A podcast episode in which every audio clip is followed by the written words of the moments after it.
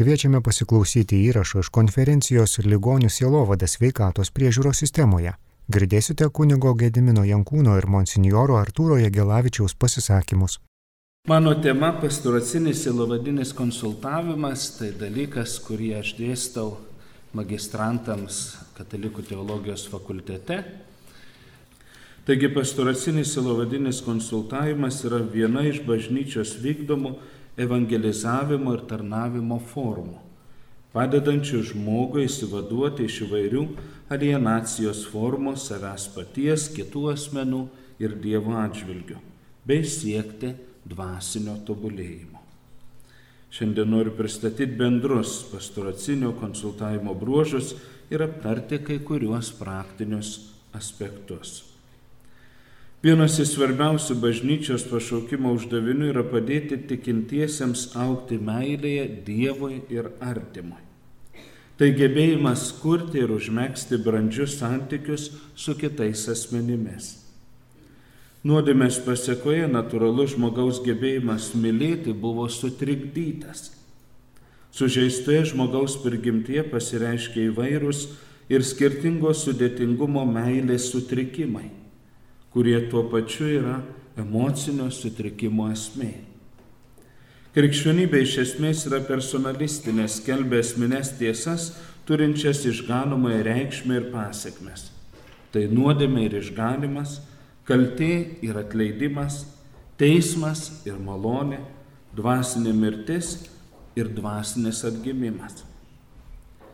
Tai nėra pastoracijos tikslams pritaikyta psichoterapija arba formalus teologijos mokslo komunikavimas, tačiau tai konkretizuota teologija, kuriai labiau būdingas kerigminis ir egzistencinis kalbėjimo būdas bei religiniai išgyvenimai. Nuo psichoterapijos pastoracinis konsultavimas skiriasi savo objektu ir tikslu. Jis skirtas psichiškai sveikiems asmenims kurie patiria religinių ir egzistencinių sunkumų ir padeda įveikti atsiradusias kliūtis į išganimą, į tikrąją žmogaus vidinę laisvę. Pagrindinis metodas - Dievo pažinimas ir patirtis. Sunkiais psichinių sutrikimų atvejais vien pastoracinės konsultacijos nepakanka, turi būti taikoma įvairiopa pagalba medicina, psichiatrija, edukacija ir socialinė. Pastoracinis konsultavimas yra religinio pobūdžio, kadangi sėkmės atveju jo rezultatai yra interpersonalinių ryšių pagerėjimas Dievo atžvilgiu ir tuo pačiu artimo atžvilgiu. Čia pagrindas yra Dievas, kuris yra galutinis gydytojas ir išvaduotojas.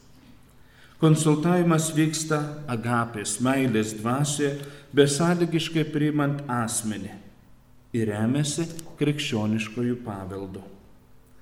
Konsultuojančiųjų dažniausiai čia yra tinkamai paruoštas pasaulietis ar kunigas, Kristaus ir bažnyčios atstovas, kuris padeda palengventi, pagilinti santyki su Dievu ir kitais žmonėmis.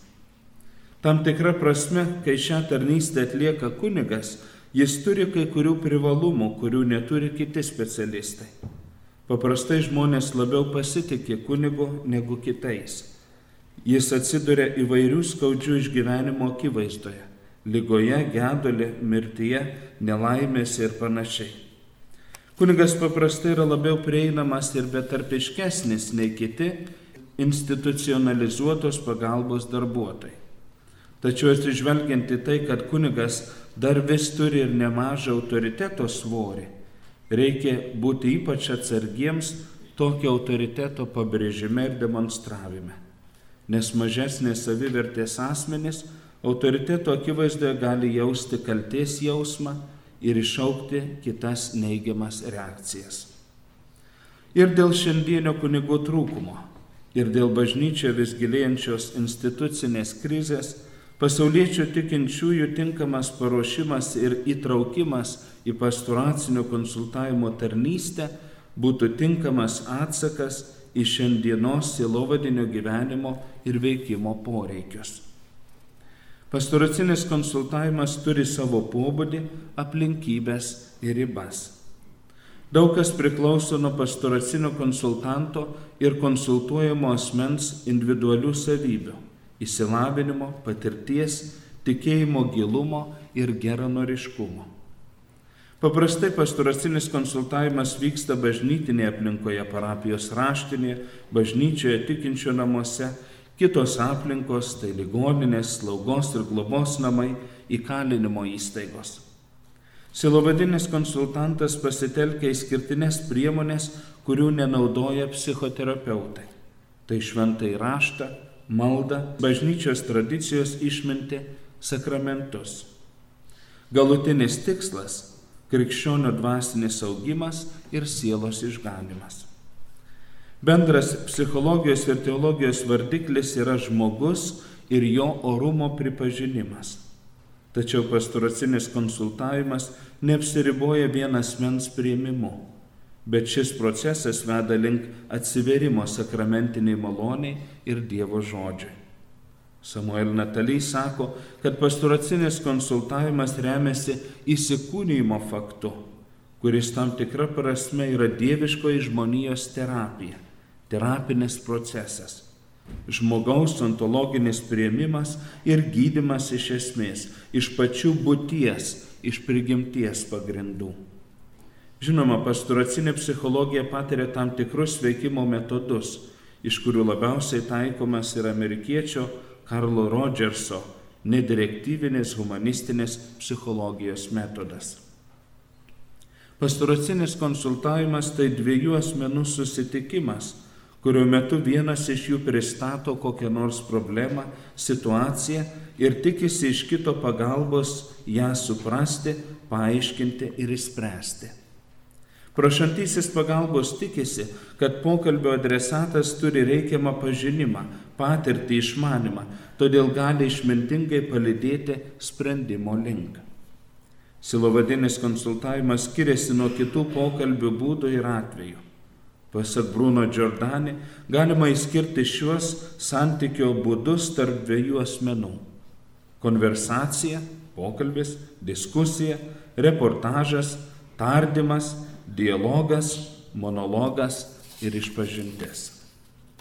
Konversacijos, tai yra pokalbio metu du asmenys pasidalina nuomonėmis, idėjomis, mintimis, žiniomis, aptardami kokį nors dalyką. Šis būdas labiausiai būdingas draugams, nes stiprina draugystę. Diskusija vyksta lenktyniavimo, galinėjimosi, puolimo ir gynimosi atmosferoje, turi didelį emocinį krūvį ir užsiengažavimą. Dažniausiai tokios rūšės santykė pasireiškia noras dominuoti ir kitą palengti. Trūksta įsigilinimo į diskusijos dalyvių argumentus ir noro suprasti. Reportažo tipo santykėje nekeliamas tikslas suprasti asmenį, tačiau renkama informacija apie pokalbio dalyvį, jo mąstymą, kultūrą, turimus privalumus ir trūkumus. Net jie asmo kalba apie save Reportažo tikslas nėra jis kaip asmuo, kaip gėris, tačiau reportažo autoriaus tikslai, kuriuos, jie, kuriuos jis arba jis įkėlė. Dažniausiai tokio pobūdžio santykis vyrauja žiniasklaidoje. Tardymo metu siekiama išgauti iš asmens informaciją, statant jį į žemesnę poziciją. Dažniausiai tonas yra daugiau ar mažiau priešiškas, todėl iššaukia tardomo asmens priešiškumą ir gynybinę laikyseną. Monologinio dialogo santykė tai, tai yra netikro dialogo atvejais, kalbantysis nekreipia dėmesio į tai, ką sako kitas. Priežastis gali būti įvairios. Noras primesti savo nuomonę, dominuoti, narcisizmas, egocentriškumas, nesamoningas nerimo, savyginos ir venkavertiškumo pasireiškimas ir panašiai. Galiausiai išpažinties metu sukūriamas ypatingas santykis. Kaltę išgyvenantis asmuo jaučia pareigą įsakyti kaltę, įvardinti savo atsakomybę, atsiverti, nes kaltės legia ir vidiniai kausto. Pasturacinėme kontekste tai paprastai yra sakramentinė išpažintis, kuomet kunigas kaip šio santykio bendra dalyvis dažniausiai užima išrišančio gailestingo teisėjo vietą. Silovadinės pokalbis skiriasi nuo aukščiau minėtų bendravimo būdų daugelio elementų - tikslu, pavojais ir intelektualiniais reikalavimais. Pagrindinis silovadinio pokalbio tikslas yra pažinti besikreipiančio asmens psichinę tikrovę. Tokiu atveju netinka istoriko, policininko ar teisėjo laikysena ir prieitis. Reikia išlaikyti pagarbą kalbančiajam, parodyti, jog yra besąlygiškai priimamas. Kita vertus, konsultantas turi jausti atsakomybę savo kompetencijos klausimu. Ar galės deramai patarti, ar gerai supranta besikreipiančio asmens gyvenimo situaciją ir pašaukimą. Čia didelės svarbos yra intelektualinis pasiruošimas kuris reiškiasi profesionalumu ir tinkama laikysena. Prašantis patarimo asmuo nėra draugas, todėl svarbu išlaikyti jo atžvilgių objektivumą. Kita vertus, pastorasinis konsultantas turi įsisamoninti savo paties predispoziciją, mąstymo savybės, mentalitetą, emocinius bruožus, pasaulyje vaizdį ir pasaulyje jautą, išpažįstamą antropologinį požiūrį ir panašiai. Šios pastabos būtinos, kad konsultantas nepatektų į pavojų tendencingai interpretuoti, perkelinėti, asmeniškai angažuotis, nes kai kurios paliečiamos temos gali įtakoti konsultantų reakcijas, kurias gali sustiprinti skausmingi asmeniniai sužeidimai, praeities išgyvenimai neįspręstos emocinės problemos. Pastoracinis konsultavimas yra vientisas ir dinamiškas santykis, kurio galutinis tikslas yra asmens gėris. Didelis svarbos čia yra konsultanto asmeninės savybės - sugebėjimas suprasti kito žmogaus jausmus, didesnis pasitikėjimas ir tikrumas konsultuojamo dalyko atžvilgiu, sugebėjimas šiltai priimti kitą asmenį, tačiau išlaikant nešališkumą per daug nesiangažuojant ir nesitapatinant su kitu asmeniu. Galima įskirti tris pagrindinės savybės, kuriomis turi pasižymėti sielovadinis konsultantas - empatija, autentiškumas ir emocinis šiltumas. Empatija. Ši savybė nėra ta pati simpatijai, nes dažnai tokiu atveju trūksta objektivumo. Empatija tai sugebėjimas įsigilinti kito asmens emocinį pasaulį ir komunikuoti, jog jis yra suprantamas. Tai sugebėjimas susitapatinti, susilieti su kitu asmeniu, tačiau išlaikant individualumą, laisvę ir objektivumą. Empatija reikalauja didelių intelektualinių pastangų, todėl šios rūšės pagalba yra sunkus darbas. Empatiška laikysena padeda giliau ir tiksliau suprasti vidinį žmogaus pasaulį. Paprastai pokalbio metu empatijos laipsnis gilėja, nes labiau atsiskleidžia žmogaus vidinė būklė. Pirminėje pokalbio fazėje konsultantas tengiasi suprasti, kas iš tikrųjų vyksta, kokia tikroji padėtis to, ką pasakojantysis pristato. Kitoje pokalbio fazėje stengiamasi pažinti ir suprasti jausmus, kurie lydi pasakojimą ir rasti priežastinius ryšius tarp objektyvios tikrovės ir subjektyvių kalbančiojo reakcijų. Galiausiai konsultantas tengiasi suprasti, koks yra kalbančiojo atsakomybės laipsnis ir kaip atsirado jo ar jos pristatomos problemos ir sunkumai. Antra savybė - autentiškumas. Tai sugebėjimas užmėgsti natūralų, paprastą, nekomplikuotą santyki su pagalbos prašančiu žmogumi. Toks pokalbio pobūdis yra būtinas, kad konsultantas perduotų sugebėjimą priimti ir teigiamas ir neigiamas asmens savybės bei kitus susijusius dalykus, padeda nešališkai pažvelgti ir suprasti tikrovę. Trumpai sakant, autentiškumas išreiškiamas savokomis - tinkamumas, saikas, nuoširdumas, sažiningumas, aiškumas, tikroviškumas, spontaniškumas. Autentiškumas įgalina empatiją ir pozityvę prieiti prie iškilusių problemų. Atsiranda santykis, kurio dėka konsultantas gali nesivaržydamas ir nedviprasmiškai išsakyti savo mintis ir reakcijas į tai, ką išgirdo. Gali nutikti ir taip, kad atsiranda nuobodulys ar pavyzdžiui pasibjaurėjimas kalbančiuoju. Galbūt konsultantas to net neįsisamonina, nes atsiranda dvigubos komunikacijos situacija, kuri vyksta dviejose ligmenyse. Vienas žodinėme, kitas nežodinėme. Kalbančiajam perdodama viena kitai prieštaraujant informaciją. Tada kalbantysis ima abejoti, jo pasąmonėje kyla įtarimai, jo konsultantas yra nenuoširdus. Dviprasmybė iššaukia jame netikrumo jausmą, nerimą, nepasitikėjimą. Pagrindinė autentiškumo sąlyga bendraujant su kitu yra savęs pažinimas ir savęs prieimimas. Labai sunku jaučiant antipatiją, nepritarimą, bjaurėjimąsi, nuobodulį, išlikti empatišku ir padėti prašančiam pagalbos asmeniu. Paprastai žmonės slepia savo emocijas ir nesako, ką galvoja. Priešingų atveju užsipuola kitą, kaltina ir išsako savo nepalankų požiūrį. Ir vienas ir kitas dalykas silovadinį konsultavimą veda į aklygatvę. Kad išsaugotum autentiškumą ir pokalbis vyktų toliau, reikia paprastai žodžiais pasakyti, jog jauti neigiamas reakcijas ir kad ateina neigiamos mintis. Galima tai pasakyti kaltinančiai ir piktai, mane nervina tavo kalba. Bet galima ramiai pasakyti, atsiprašau, man nepatinka tai, kaip kalbė. Negalima kaltinti kalbančiojo dėl kylančių savyje reakcijų. Tiesiog užtenka mandagiai apie tai pasakyti. Kaltinimas gali išaukti kitame kalties ir menkavertiškumo jausmą, todėl gali kilti dar vienas ar gilesnis konfliktas. Galiausiai trečia savybė - emocinis šiltumas. Ši savybė atitinka Dievo gailestingosios meilės savoką ir reiškia pagarbą bei geranoriškumą kitam asmeniui. Šiluma nėra silpnumas ar pritarimas silpnybėms bei netinkamam elgesiui.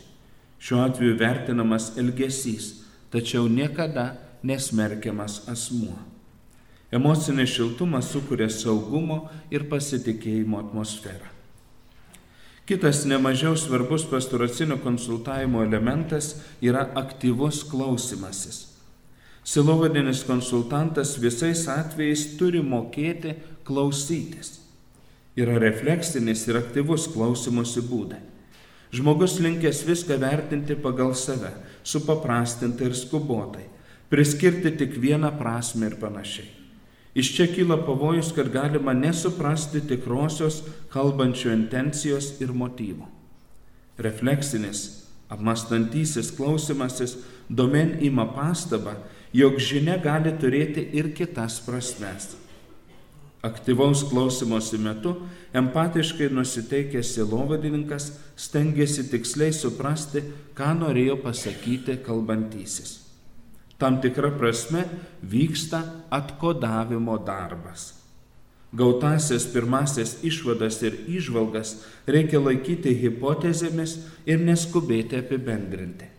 Būtina taikyti verifikacijos metodą, užduodant patikslinančius klausimus. Tarp kalbančio ir besiklausančio vyksta didžiai dalimi nesamoningas komunikacinis procesas - kodavimas ir atkodavimas.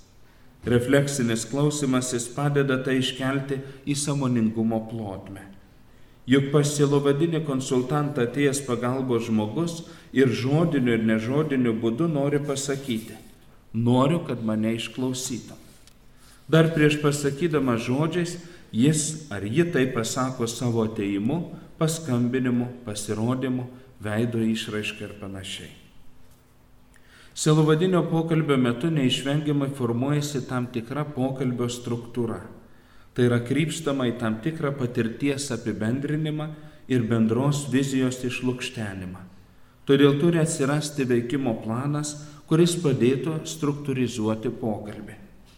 Kartais silovadininkas turi imtis iniciatyvos ir padėti, kad pokalbis pakryptų teisinga, rezultatyvę linkme. Kai žmogus ima kalbėti apie kitus ir apie aplinkybės, kokie jie blogi ir niekaip nesugeba pažvelgti į save, Tuomet reikalinga padėti grįžti prie prasmingo ir rezultatyvaus pokalbio apie patį asmenį.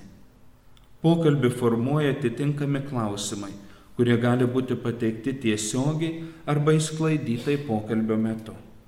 Jais siekiama pamažu nupiešti asmeninės istorijos bruožus ir joje lokalizuoti esamos jausmus. Netinka uždavinėti uždarus klausimus, kurie atsakomi taip arba ne įtaigojančius arba tokius klausimus, į kuriuos sunku atsakyti, kurie tai yra retorinio pobūdžio arba apeliuoja į pasąmonę. Yra įvairios galimos tokio pokalbio struktūrizavimo ir interpretavimo formos. Pavyzdžiui, Šalferbergas siūlo interpretuoti žmogaus gyvenimą liturginių metų modelio pagalba. Tai tarsi kurikulum vytė pavyzdys, interpretuojant pagal Jėzaus Kristaus gyvenimo liniją. Kristaus sėkimas yra krikščioniško gyvenimo idealas. Atskiras problemas ir jausmus galima susijęti su vienu ar kitu liturginiu metų laiku, nuotaika ir prasmėmis. Baumgartneris siūlo kitą emauso kelią, kaip pokalbio struktūrą ir eigą formuojantį metodą. Pagrindinis klausimas čia yra, kaip surasti išganimo kelią įvairiose mano gyvenimo krizėse ir tamsoje. Galiausiai noriu užbaigti pasidžiaugimu, kad vis daugiau ir dažniau Lietuvoje ir bažnyčioje kalbama apie pasturacinį konsultavimą ir jo galimybės. Mano giliu įsitikinimu ši tarnystė, kurią vakarų pasaulis sėkmingai naudojasi ir plėtoja jau eilę dešimtmečių, mums reikalinga ne šiandien ar rytoj, bet buvo reikalinga jau už vakar. Tikiuosi, kad bendromis pastangomis, kaip kad ir ši konferencija, pasturacinio silovadinio konsultavimo, vis platesnio įsitvirtinimo mūsų visuomenėje klausimas ženkliai pasistumės į priekį. Nes jeigu taip nenutiks, netolimoje ateityje teks sunkiai klampoti per neprimtų ir nerealizuotų sprendimų pasiekmes. O tai bus nekas kita, kaip žmonės ir jų sužaloti gyvenimai. Ačiū uždėmesi.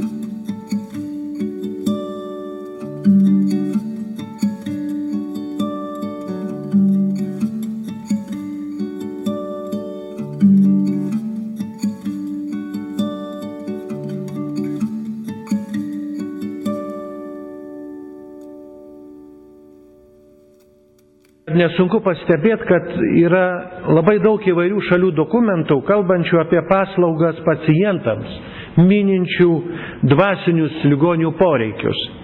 Bet tuo kalba apie tos poreikius ir pasibaigia.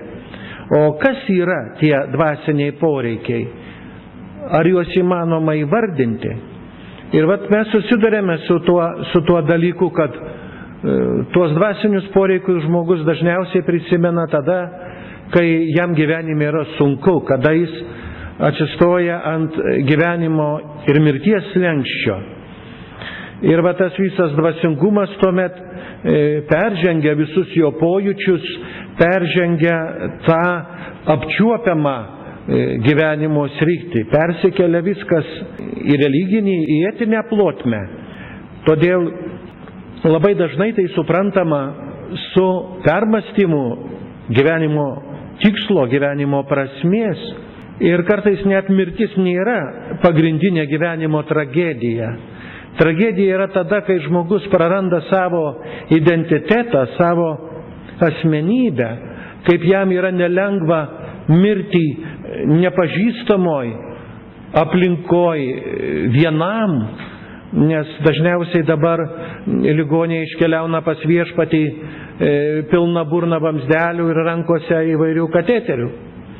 Ir pasakyti negali tų savo dvasinio testamento žodžių.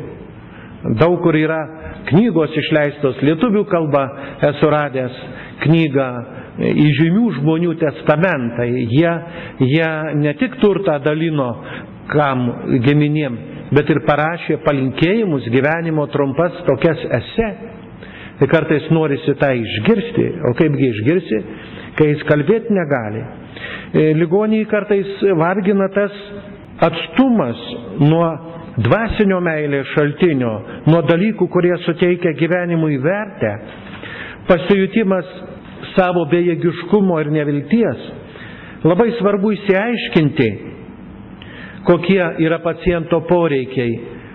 Ir mes kunigai išgirstam juos, kartais tuos klausimus, labai griežtus, kartais labai piktus, bet būtent tik mum nukreiptus. Kokia yra kančios ir skausmo prasme? Kodėl aš turiu kentėti? Kodėl taip atsitiko būtent man? Taip kaip įsiskaudinęs garsus dainininkas Kvorostovskis ir su keiksmažodžiais pa, pasakė tai, kodėl būtent man. Viską turiu, pasiekiau, dainuoju garsiausiose scenose, operose. Ir štai, lyga, pasmerktas mirčiai. Ir ta visa vertybių sistema. O kas man iš pinigų, iš to materialinio turto, iš visuomeninės padėties? Kančia, mirties akivaizda viską kitaip pervertina ir klausimai Dievui. Ar yra Dievas? Kodėl jis mane paliko vieną su mano kančia? Kaip ir mamos dažniausiai onkologiniam skyriui klausia, o kodėl kenčia ir miršta mano vaikai? Kodėl kenčia nekaltas žmogus? Kokia yra gyvenimo prasme, kai sunkiai sergu? Ir kalties jausmas. Aš padariau daug klaidų, aš jų neištaisysiu, Man nereikia tada išpažinties ligonių patepimo, nes aš nieko negaliu pakeisti. Dievas gali pakeisti. Jeigu ne aplinkoje, tai tavyje, tave gali bent prieš mirtį pakeisti. Ar yra gyvenimas po mirties klausimas? O kaip aš galiu patikėti gyvenimu po mirties? Taigi sunkiai sergančiųjų poreikiai atrasti gyvenimo, kančios ir mirties prasme vilties poreikį, troškimą gyventi, tikėti savimi ir kitais. Kai kurie galimi ženklai, net rodantis dvasinį poreikį, širdies skausmą ar diskomfortą. Tas minėtas beviltiškumo, beprasmybės, bejėgiškumo jausmas. Pavyzdžiui, cinizmas susijęs su gydymu ir žmonėmis siūlančiais savo pagalbą. Geriau būtų, jeigu aš numirčiau, nei taip gyventi. Noras nusižudyti, apatija, užsidarimas savyje, nusisukimas gulint lovoje į sieną. Sunki kančia, aš nebegaliu daugiau to iškesti. Kokia viso to prasme, kam visą tai tęsti? Ligonis kritikuoja gydimą. Jeigu tai viskas, ką galite padaryti, tada geriau man numirti. Būna ir Dievo atstumimas negalėjimas tikėti. Net ryšių su religija ir kultūra nutraukimas, kaip protesto ženklas. Aš nebetikiu Dievu. Kaip aš galiu patikėti žmonėmis, jeigu net Dievas mane paliko? Ir sukėlęs pyktis ant Dievo, ant religijos kunigų. Kodėl? Kodėl aš? Ką aš padariau, kad taip nubaustas ar nubausta? Kalties ir gėdos jausmas, lyga laikant bausme, sielvartas ir nenoras atleisti nei savo, nei kitiems, tvirtinimas, kad aš nenusipelnau pasveikimo, susirūpinimas moralinė ir etinė gydimo esme, nereikšmingumo jausmą galima priskirti kalties ir gėdos jausmui. Ar manot, kad man turėjo būti atlikta ši operacija, šis gydimas? Aš jau nugyvenau savo gyvenimą kaip kartais močiutė sako, vyrą palaidojau, vaikus palaidojau, pamiršo mane dievulis. Ar nenuodėmė melstis, kad numirčiau. Todėl ir ateina tie neaiškus jausmai mirties atžvilgių ir ligonis bijo užmygti, bijo tamsos ir kuo jis daugiau nemiega, atrodo, kad jis taip pratęsia savo gyvenimą. Ir kaip padėti pacientui. Nors kai kurie pacientai aptarė dvasinius gyvenimo ir mirties aspektus su gydytoju, su dvasininkais, bet dauguma jų apie tai kalba su kitais, su tos pačios lygos, sunkios lygos, broliai seserimis, taip galima būtų pavadinti. Svarbu atkreipti dėmesį į tai, kad mirštantis asmo yra pasirengęs diskutuoti tomis temomis ir reikia sugebėti, užjaučiant jį, į tai sureaguoti, jei pacientas pasirinko tas temas.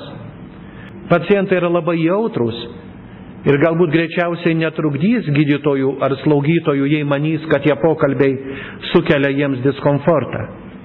Tuomet reikia pasiūlyti ligoniui pasikalbėti su dvasininkais. Gydytojo pareiga yra padėti palaikyti paciento poreikius.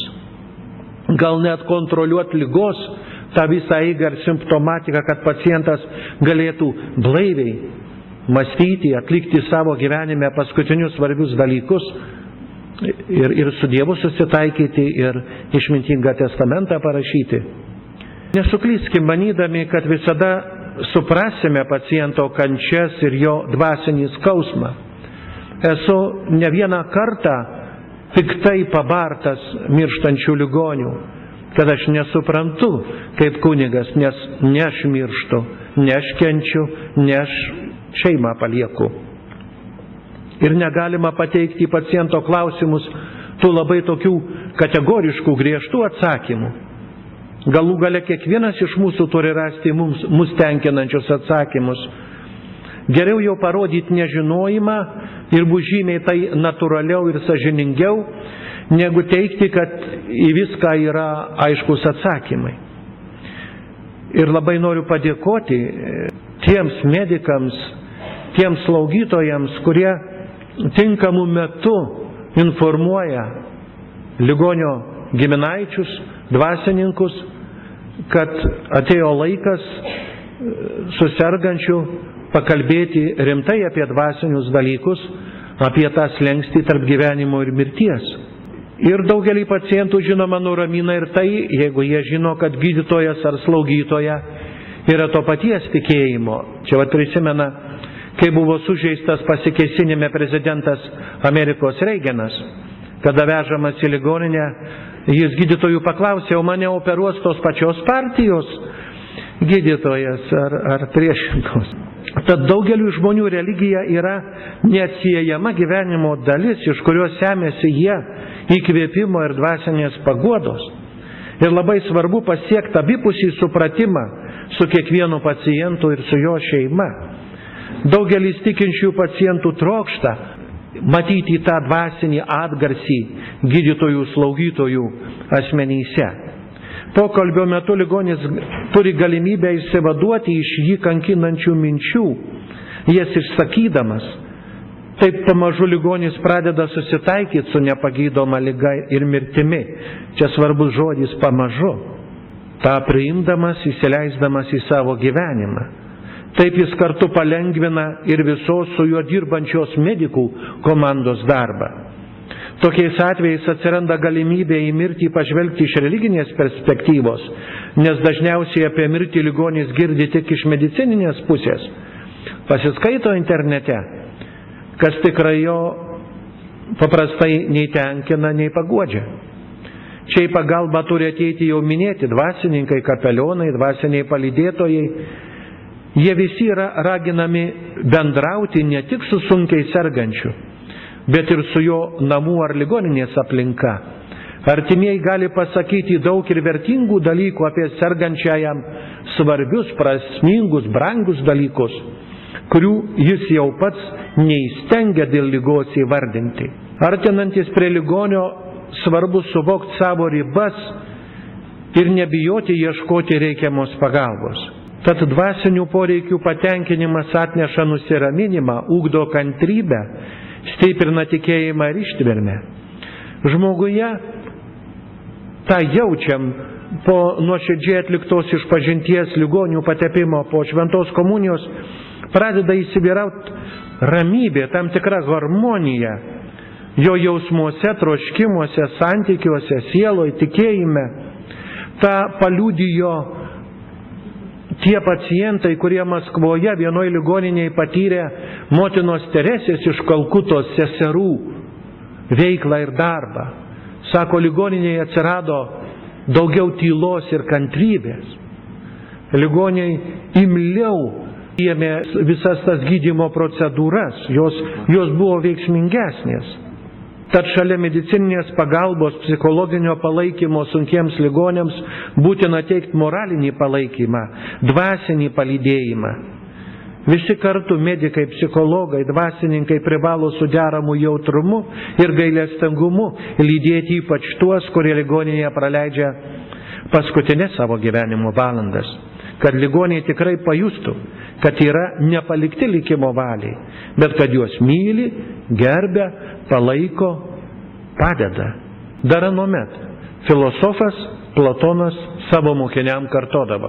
Jeigu žmonės galvoja, kad egzistuoja tik tai, ką jie gali rankomis paliesti, tai tokie žmonės dar yra labai neįsilavinę.